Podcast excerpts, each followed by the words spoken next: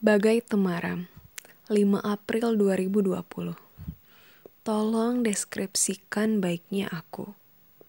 Bagai temaram. Temaram merupakan keadaan yang remang-remang. Tak bisa melihat secara jelas. Tak bisa diterawang dengan sekejap mata. Tak bisa dengan mudahnya ditebak. Aku. Apakah aku bagai temaram?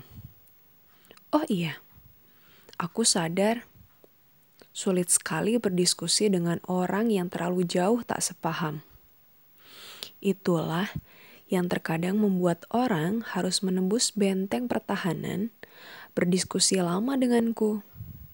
Aku sadar, perasaan dan ekspresiku terkadang menjebak. Tahu tidak, jika mudah akan sangat berbahaya bagiku. Ya, bagi hatiku